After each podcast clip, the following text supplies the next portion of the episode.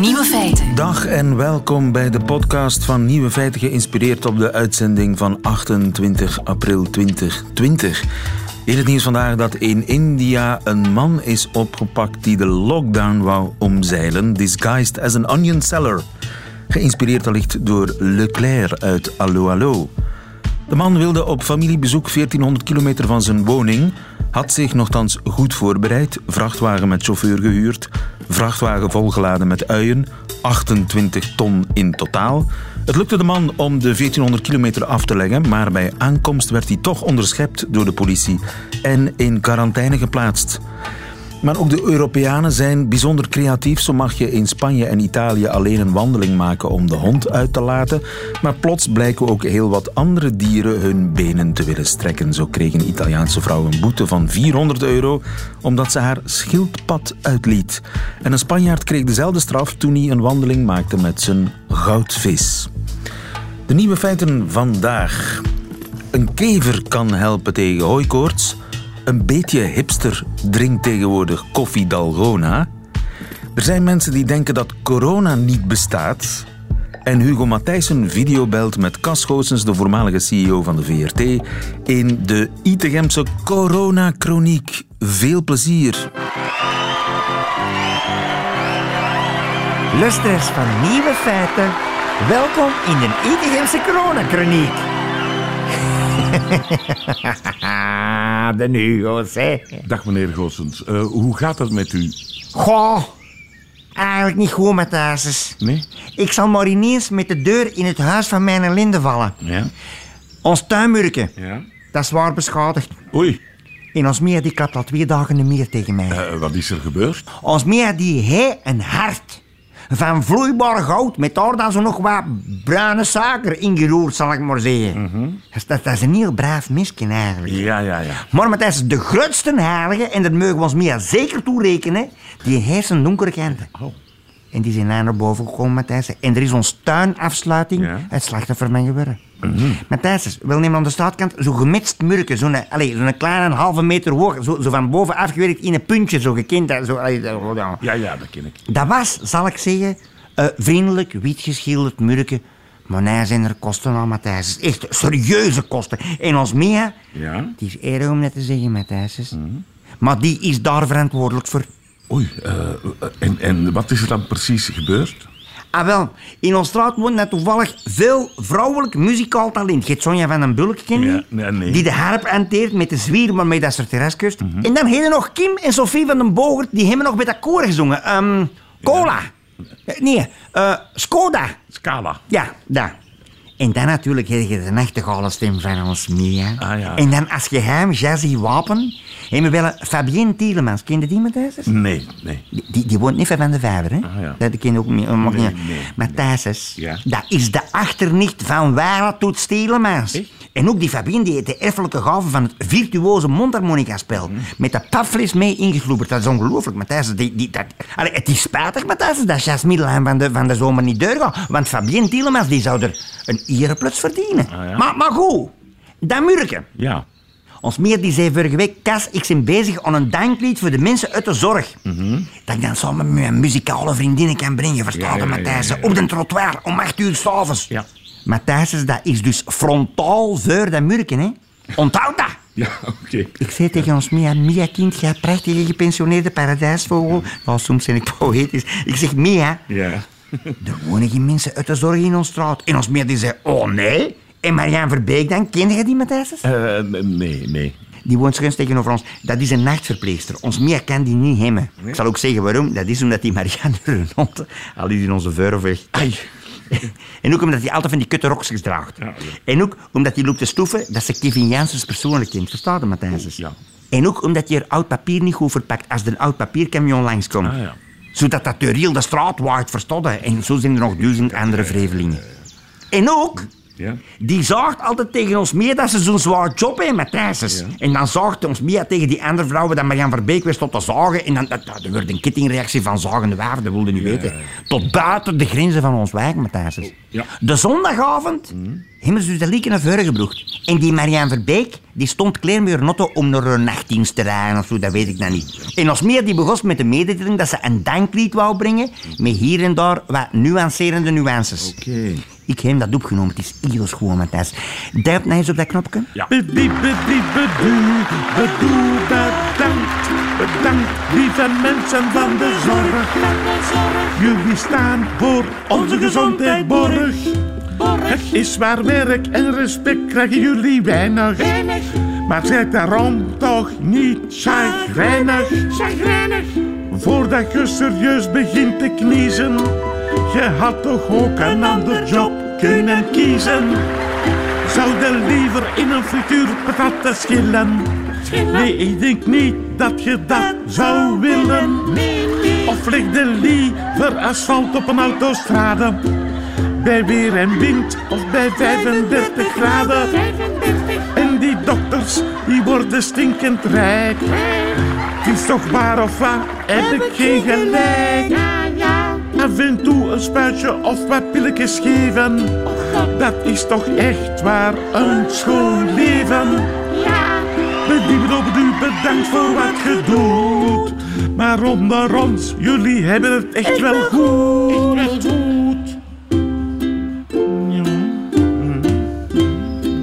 Ja, je, allee, ik hoop dat je goed geluisterd hebt, Matthijs. Dat vroeg natuurlijk allemaal. Ja, ja, ja. Ik zag al wat stoom uit de oren van die Marianne Verbeek open. Hè.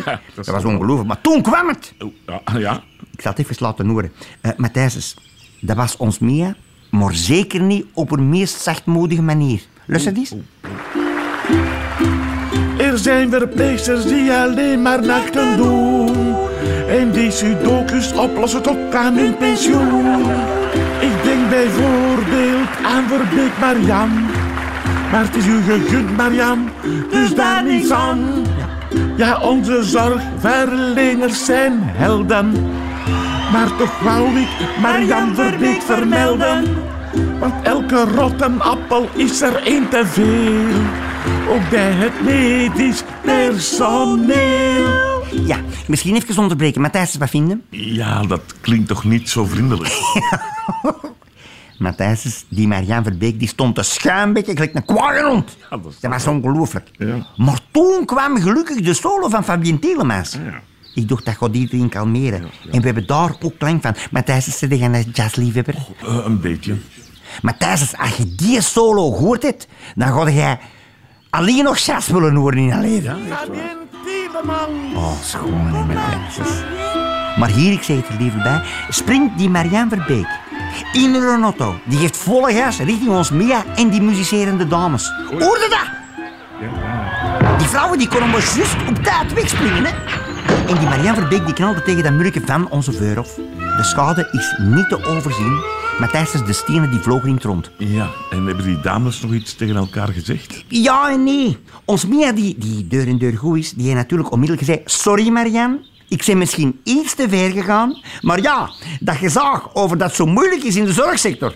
Dat terwijl dat wel al wekenlang iedere avond in ons handen stond te klappen, verstaan? Ja, ja, ja. En dan is die Marianne zonder een woord te zeggen vier klauwens naar de kliniek gereden. Volle gas, Matthijs. Dat was ongelooflijk. Ons Mia heeft ze nog achterna geroepen. Marianne, je zit een ondankbare teef. Oei. Ja, Matthijs is ook een gepensioneerde paradijsvogel, kan lelijk bijten. Ja, blijkbaar. En toen zei ik voorzichtig, ja, maar Mia, je bent misschien inderdaad toch een beetje te ver gegaan. Ja. En ineens keert die Mia zich tegen mij. En die zei, hoe durfde je, Kas? Ik heb te ver gegaan. Dat was wel een danklied, hè? Of niet? Ja, terwijl ze net daarvoor zelf had gezegd dat ze te ver was gegaan. Ja, Matthijs, het luistert niet eens. Had ik het gedaan? Ons Mia die al twee dagen geen woord niet meer tegen mij gezegd. Ik weet niet wat ik moet doen om het goed te maken, Matthijs. Maar pas op, dat zwijgen van ons Mia, dat durft soms twee weken een stuk duren. Hè. En dan in die lockdown, je kunt niet even op café, hè. dat is hier in tent. Matthijs, zou je nou eens aan die lieve van den Houten kunnen vragen dat hem Love Hurts... Ja, Dat hem dat zou kunnen Dat draaien. ik doen, ja. ja. dat gaat mij misschien troosten. En ook veel andere mensen die in deze tijd in relationele problemen zitten. In de lockdown, verstonden. Ja, ja, ja. Ja, en als je dat dan toch mag vragen, liefst in de vesten van Gran Persoons en Emmy Harris. Oké, Want ja. die zangstem, die trekt echt hier hard op die van ons Mia. Ja, ja. Dan hoor ik op die manier... "Oh, ons Mia, Ja, toch nog een beetje Matthijs. ja, ja. Eh, dat komt allemaal wel goed, meneer Goossens. Merci, Matthijs. Merci, manneke. Ja, tot gauw. Je bent een vriend en lieve van de Nouten. Ook.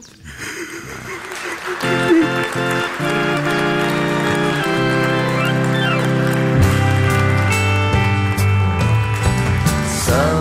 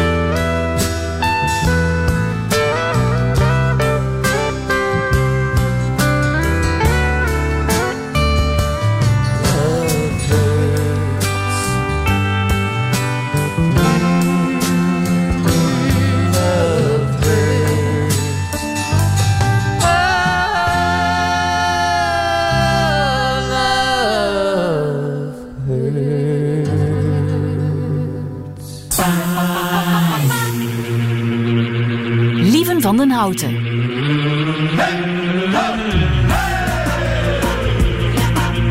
Nieuwe feiten. Er zijn mensen die denken dat corona niet bestaat. Echt waar. Een eh, buurman van een vriend van mij die zegt: Show me the bodies, toon me de lijken. Zolang hij geen dode mensen heeft gezien op zijn televisie, gelooft hij niks van corona. En zo zijn er nog een paar eh, complottheorieën.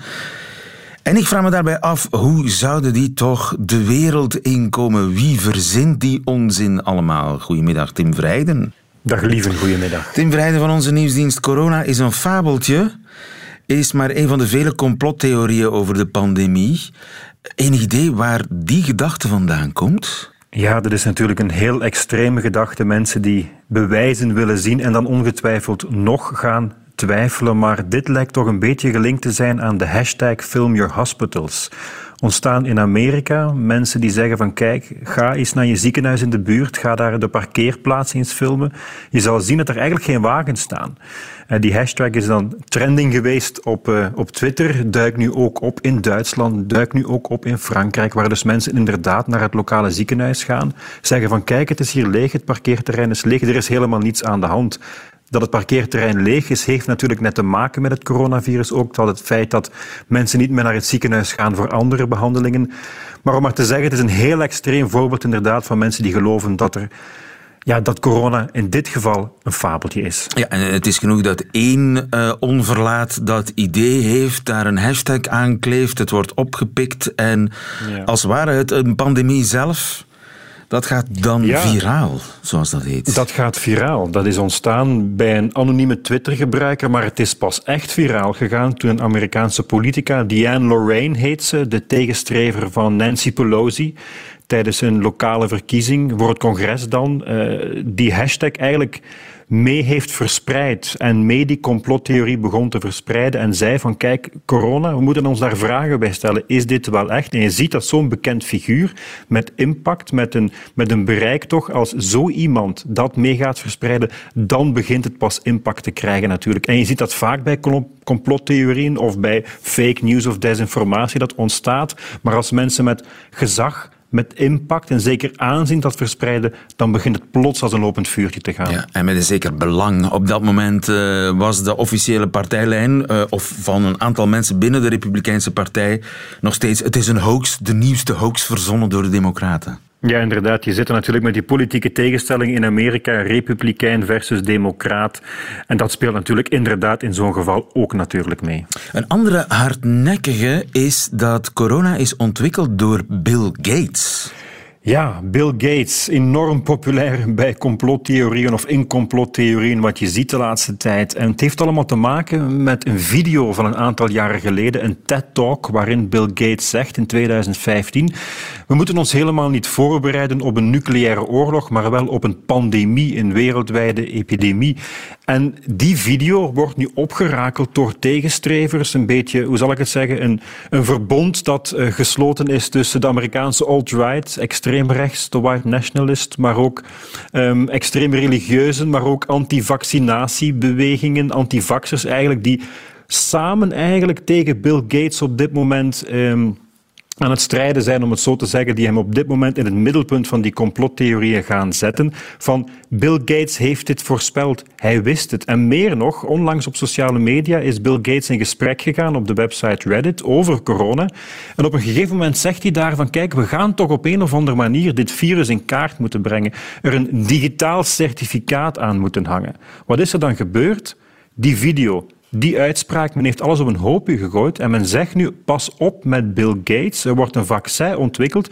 En wat gaat, wat gaat Gates doen samen met de wereldwijde elite, is via dat vaccin een microchip implanten bij ons allemaal, om ons zo te kunnen controleren en te volgen. Daar zitten we op dit moment. Juist, ja. Terwijl Bill Gates gewoon een hele slimme voorspelling heeft gedaan. Ja, hij is er natuurlijk al, al lang mee bezig. Samen met zijn Melinda en Bill Gates Foundation is hij heel hard aan het inzetten op gezondheid, op ziekenzorg geeft miljarden aan ontwikkeling in Afrika. Op dit moment ook stelt zijn volledig kapitaal, 37 miljard euro, natuurlijk ter beschikking van het coronavirus of een vaccin tegen het coronavirus. Maar is tegelijkertijd ook kritisch voor het op dit moment het Amerikaanse beleid. En dat heeft er uiteraard ook mee te maken. Ja. Een andere, en daar zien we de gevolgen van bij ons zelfs, is dat corona het gevolg zou zijn van 5G-straling. Ja, 5G, al langer onderwerp van complottheorieën, veel onduidelijkheid over ook. 5G, de opvolger van 4G. En wat zien we dan? Dat eigenlijk daar toch ook een, een Belgische huisarts, Chris van Kerkhoven, een rol in heeft gespeeld. Onlangs in januari zei in het laatste nieuws, of werd hem gevraagd, is er een link tussen 5G en corona? En hij zei waarschijnlijk wel. Er staan in Wuhan, de plek waar het allemaal begonnen is, 5G-antennes. Dat is enorm opgepikt, heeft, een, heeft het Amerikaanse en Britse um, magazine Wired een beetje gereconstrueerd, is opgepikt door die complotgroepen. En uiteindelijk heeft het laatste nieuws gezegd van kijk, dit klopt niet, we gaan dat uit van de website afhalen. En dat heeft nog meer die complottheorie geïnitieerd, zijnde van kijk, de elite, de media verzwijgen wat er echt aan de, hand, aan de hand is. Maar dus die uitspraak, er is een link tussen 5G en corona, heeft wereldwijd nog maar eens, samen met anderen, die complottheorie geïnitieerd en men zegt dus eigenlijk heel concreet dat 5G mee corona veroorzaakt. Nu, 5G-stralingstechnologie werkt niet zoals virussen. De, de complottheorie gaat van, kijk, die 5G-straling die werkt in op ons DNA. Ons DNA breekt af en zo ontstaat het virus. Maar zo ontstaat een virus helemaal niet. Een virus zoekt een host, wij als mens, en ontstaat eigenlijk op een heel andere manier. Maar die complottheorie die gaat nu wereldwijd rond. En tegenstanders van 5G gebruiken dit nu om te zeggen van kijk, er is veel meer aan de hand, we moeten daarmee oppassen. Maar zo'n complottheorie indijken op dit moment, het lijkt bijna onmogelijk omdat ze zo wijd verspreid is. Maar er is dus een Belgische link. Zou je zo ver kunnen gaan en zeggen dat de link tussen 5G en corona, dat die in België is ontstaan? Wel, mee is ontstaan. Um, er zijn nog andere samenzweerders, om het zo te zeggen. Je hebt de Nederlandse Jeannette Ossebaard, je hebt de, Brit David Icke, je hebt ook andere groepen, Amerikaanse groepen die daar mee inspelen. Maar als ik zie wat Wired heeft gedaan met de reconstructie en de impact van dat bericht, dat foutieve krantenbericht en hoe dat eigenlijk een tweede leven online heeft gekregen, kan je wel zeggen, mag je wel zeggen, dat het mee ontstaan is in België. Kunnen we daar nu iets tegen beginnen en moeten we daar iets tegen doen, tegen al die complottheorieën? Het is zo moeilijk. Hè? Het is, je gaat heel veel mensen die geloven in complottheorieën niet gaan overtuigen dat het, dat het niet waar is. Want wat is, wat is- in een complottheorie is altijd wel iets herkenbaar te vinden. Men gaat dingen linken aan elkaar die eigenlijk niet te linken zijn. Maar je ziet dan medische termen terugkomen die we allemaal kennen. Het is bijzonder, het is bijzonder moeilijk. Wat we wel moeten doen is die, denk ik, die mensen serieus nemen die niet wegzetten als gekken, als idioten, maar daar toch proberen te begrijpen wat hen drijft om die complottheorieën te gaan geloven. En ik als journalist, wij als media, wij ook met VRT, blijven daar toch over berichten om die inzichten te geven dat die dingen niet helemaal kloppen. Maar het is zo moeilijk om die mensen te overtuigen, omdat zij vinden dat de media samen met de overheid en de wetenschap samenspant. Ja, wij zijn hen. deel van het complot, Tim. Wij zijn deel van het complot. En dat is natuurlijk heel erg moeilijk om dat te gaan debunken, om het zo te zeggen. Maar je moet, denk ik, in- bijvoorbeeld met 5G, denk ik wel dat bedrijven, telecombedrijven, overheid gaan moeten blijven uitleggen wat is 5G, wat weten we, wat weten we niet, enzovoort. Niets doen is ook geen oplossing, maar we moeten ons er wel van bewust zijn dat een deel, een groep van die mensen, dat we die nooit gaan overtuigen. We blijven proberen. Dankjewel, Tim Verheijden. Goedemiddag.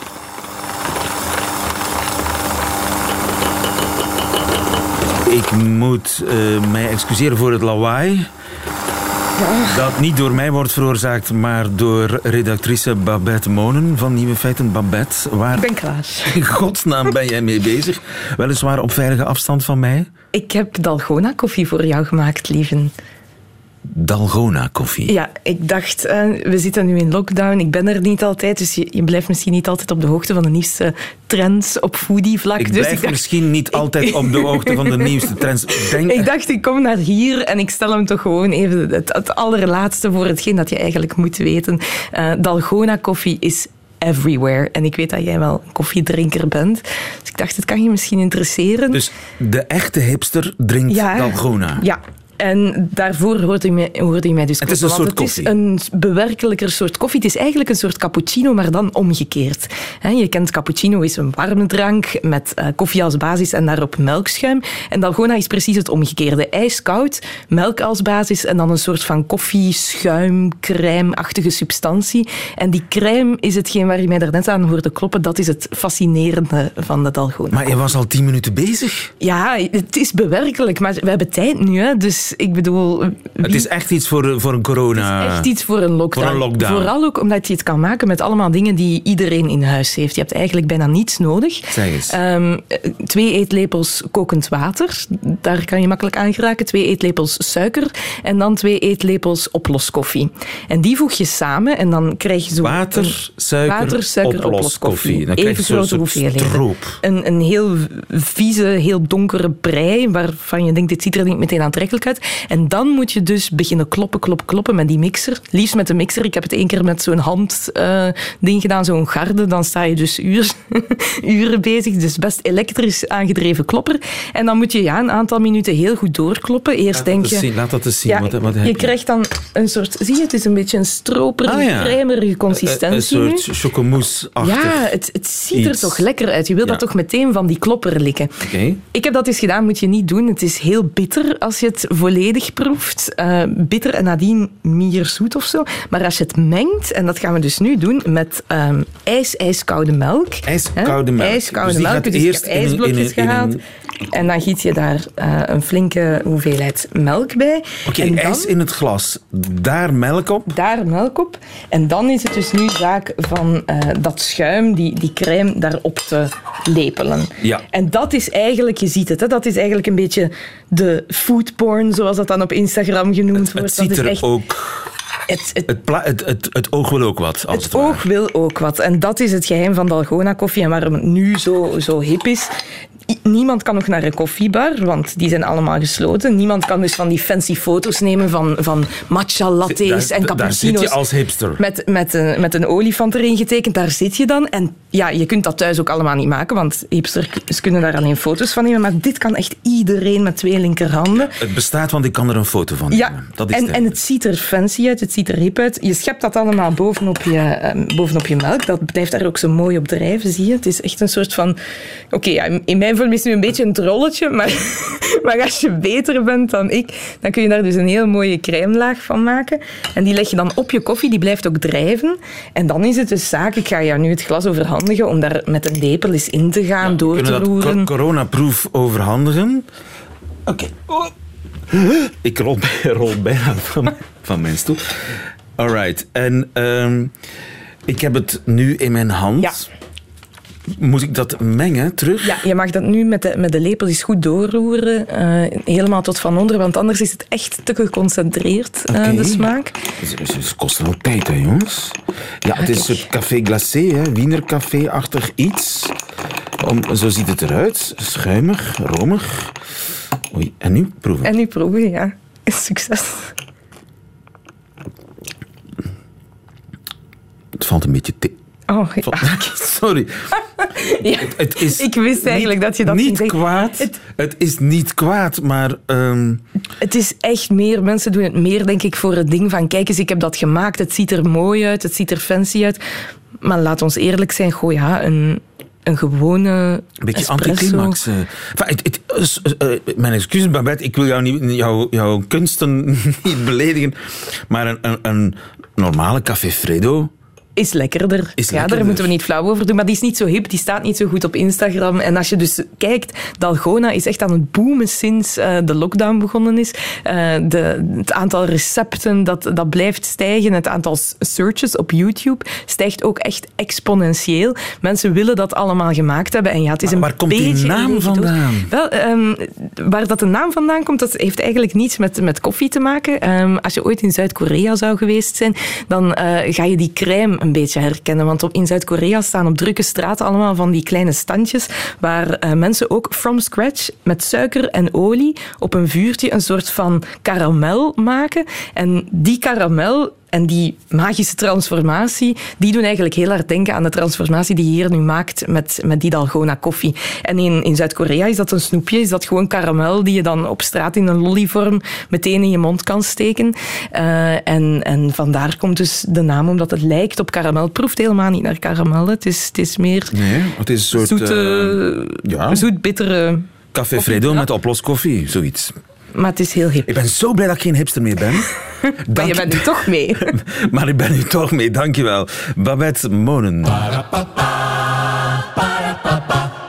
Nieuwe feiten. Eén kevertje kan 13,5 miljoen Europeanen van hun hooikoorts verlossen. Suzanne Lommen, goedemiddag. Goedemiddag. Je bent bioloog aan de Universiteit van Leiden, Nederland. Je bent een van de mensen die dat ontdekt heeft. Over welke kever gaat het? Ja, die kever die heeft eigenlijk alleen een Latijnse naam. Dat heet, die heet Ophrella communa. wel- communa. En, en Klopt. kunnen we hem geen gewone naam geven? Hooikoortskever, mag dat? Van mij mag, u dat doen. Als hij zo bekender wordt, dan, eh, dan graag. Laten we hem eh hooikoortskevertje noemen. Eh, laten we hem zo dopen. En heeft die kever magische krachten tegen mijn hooikoorts? Nou, het zijn niet zozeer magische krachten. Die, eh, dat is een hele gewone kever, maar die komt uit Noord-Amerika, waar ook de Alsem ambrosia vandaan komt, die heel veel allergische klachten veroorzaakt. En daar is hij gewoon een natuurlijke vijand van die plant. Dus dat kevertje leeft gewoon van die plant. Het kevertje leeft van de plant die ons hooikoorts geeft. Of een, een deel van de hooikoorts die wij hebben komt van die plant. Inderdaad, er zijn natuurlijk heel veel planten waar mensen hooikoorts van krijgen. Maar wat, eh, we hebben het nu over de Alsem ambrosia. En dat is een soort die in tegenstelling tot veel andere planten heel laat bloeit. Dus veel mensen die laat in het seizoen, in augustus, september, hooikoorts krijgen, dat is bijna altijd van de Alsem ambrosia. Terwijl veel grassen en berkenpollen, dat is veel eerder in het seizoen. Ja. Voor veel hooikoortspatiënten wordt het seizoen eigenlijk verlengd, doordat die Alsem ambrosia erbij is gekomen. En dan hebben ze langer klachten. En die eh, ambrosia-pollen, zweven die ook bij ons rond? Of is dat eh, in andere streken meer dan hier? Die komen wel in heel Europa voor, maar eh, in Nederland en België hebben we er gelukkig nog niet zoveel last van. Waar we er echt veel last van hebben in Europa, dat zijn de Rhônevallei in Zuid-Frankrijk. eh, de Po-vallei, dus dat is de regio Milaan en Turijn.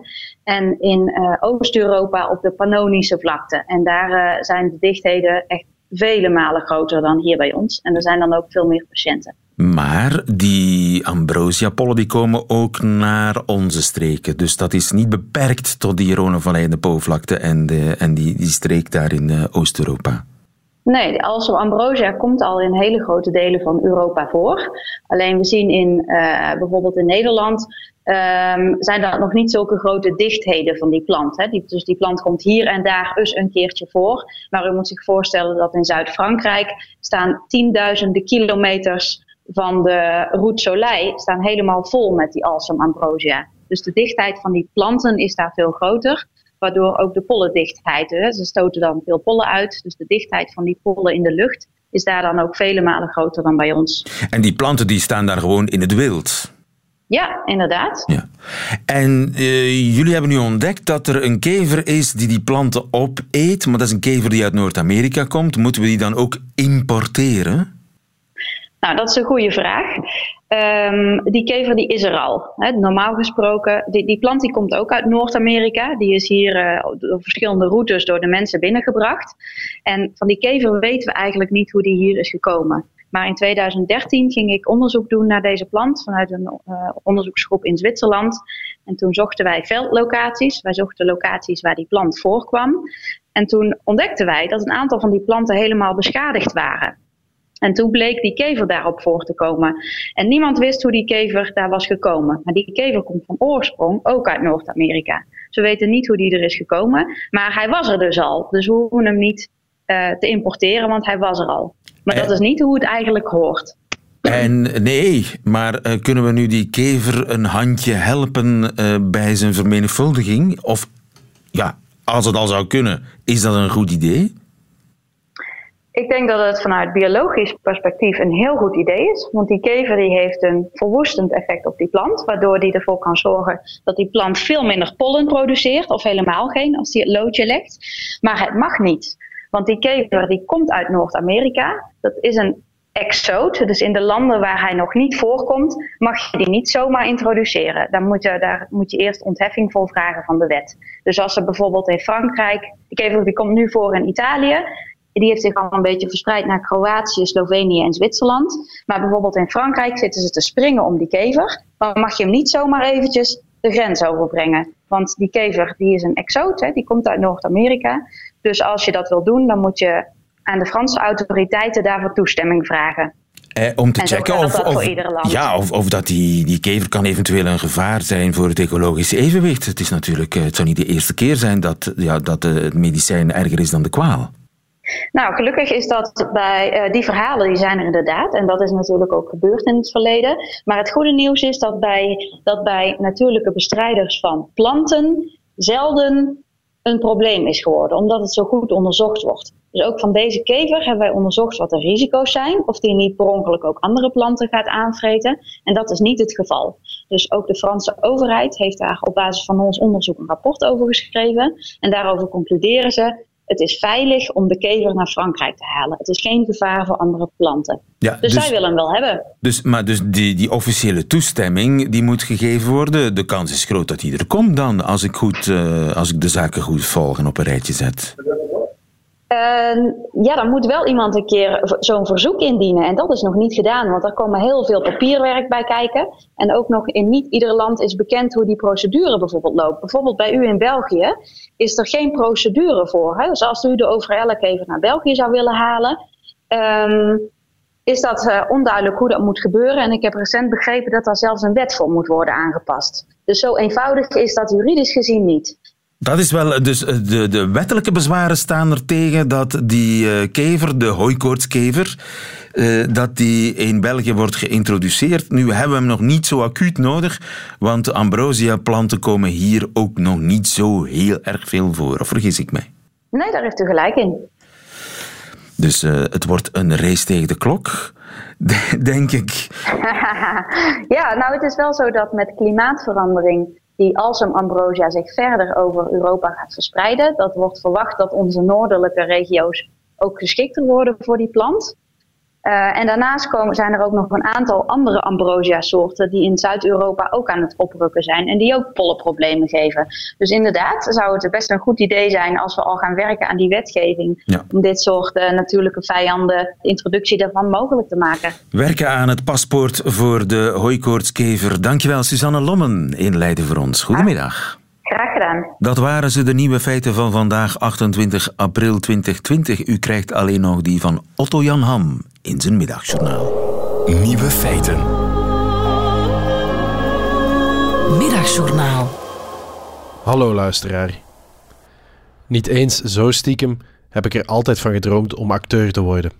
Acteur of profvoetballer of Brian May. Maar op een bepaalde leeftijd kom je erachter dat je geen talent hebt om acteur, profvoetballer of Brian May te worden. En dan leer je je dromen op te bergen. Totdat iemand die droom voor jou van onder het stof haalt. Het was actrice Frances Luffeburen, met wie ik het programma Hotel Romantiek had gemaakt, die me vertelde dat ze aan een nieuwe reeks bezig was, waarin een rol zat die me op het lijf geschreven was. Ze zou de scenarist wel vertellen dat hij absoluut aan mij moest denken. Ik dacht dat ze dat enthousiasme aan het acteren was, want dat weet je natuurlijk nooit met actrices, maar niks bleek minder waar. Ik werd gecontacteerd door een producer van de serie. Ze zochten iemand die sprekend op Otto Ham lijkt. Zo stond het letterlijk in de omschrijving van het personage. Wat dat betreft was ik dus allesbehalve kansloos. Het enige probleem was dat ik geen tijd had en zoals eerder gezegd ook geen talent. Ik zei dat ik vereerd was, maar dat ik eigenlijk geen tijd had en dat ik ook niet kan acteren. Desondanks wouden ze mij toch eens ontmoeten. Vermoedelijk had Frances Luffeburen ze verteld dat ik wel heel hard op Otto Jan Ham leek. Dat moesten ze zien. Ik weet niet of ik dit al gezegd heb, maar ik had dus geen tijd om mee te spelen in een serie. En ik kan ook niet acteren. En vooral, ik wist dat het toch weer zou uitdraaien op een nieuwe afwijzing. Het is niet erg om afgewezen te worden. De Beatles zijn ooit afgewezen en die hebben uiteindelijk ook nog iets van hun leven gemaakt. Maar op een bepaalde leeftijd moet je jezelf toch wat behoeden voor onnodige teleurstellingen. Ik ben in mijn leven al vaak afgewezen en ik draag die afwijzingen met trots als eretekens op mijn borst. Maar ik heb er ondertussen wel genoeg en ze doen telkens toch wat pijn bij het opspelden. Dus ik zou deze keer de kelk aan mij voorbij laten gaan. Zou. Want nieuwsgierigheid en verlangen wonnen het toch van gezond verstand. Vooral verlangen is een taaie klootzak. En dus kwam er een afspraak. De scenarist en Daphne Welles, een van de hoofdrolspeelsters, kwamen langs op mijn werk voor een gesprek. Daphne zou in de reeks mijn vrouw spelen. Ze was erg innemend. We deden een stukje waarin we heel verliefd op elkaar waren terwijl we inkopen deden. Ondanks het feit dat we niet echt in een winkel stonden, maar in een leegstaand bureau op Woestijnvis, kon ik me goed voorstellen dat ik verliefd zou zijn op Daphne Welles en dat ik inkopen met haar zou doen. Dus het ging allemaal eigenlijk vanzelf. De scenarist filmde alles met zijn telefoon. We deden nog een scène. Deze keer hadden we ruzie. Ik ga niet te veel weggeven, maar we hadden een kind samen. En ook in deze fictiereeks komen daar vodden van. Bij gebrek aan kind nam ik een koude colafles die daar stond liefdevol in mijn armen en ik zei tegen Daphne wel eens iets in de trant van Jij zou vanavond toch op de baby passen? We waren boos en teleurgesteld. Het zijn moeilijke emoties om te spelen. Daphne Welles vond dat ik het heel goed deed. Of ze acteerde dat, dat weet je natuurlijk nooit. De scenarist vond ook dat ik het heel goed deed. En voor ik het wist, vonden we allemaal dat ik het heel goed gedaan had. Het kon niet anders, of ik zou die rol krijgen. Ik vergat van de weeromstuit dat ik eigenlijk geen tijd had. Hiervoor was ik twee jaar lang naar de kunsthumaniora gegaan. Ik was eindelijk acteur. We namen afscheid en ik zou snel nieuws krijgen. Alleen gebeurde dat niet. Vele weken later hoorde ik toevallig via via dat de opnames van de reeks begonnen waren. Zonder mij.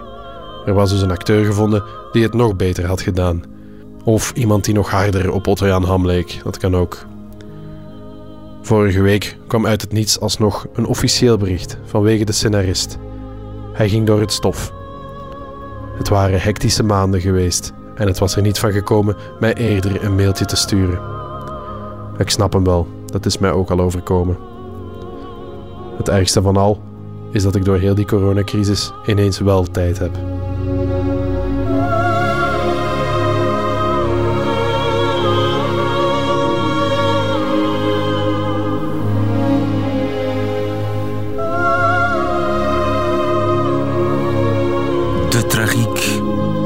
Otto Jan Ham in zijn middagjournaal vandaag. Einde van deze podcast. U vindt er nog veel meer op radio1.be en op onze app, waar u overigens ook de volledige uitzending kunt herbeluisteren. Met alles erop en eraan, ook de muziek. Tot een volgende keer.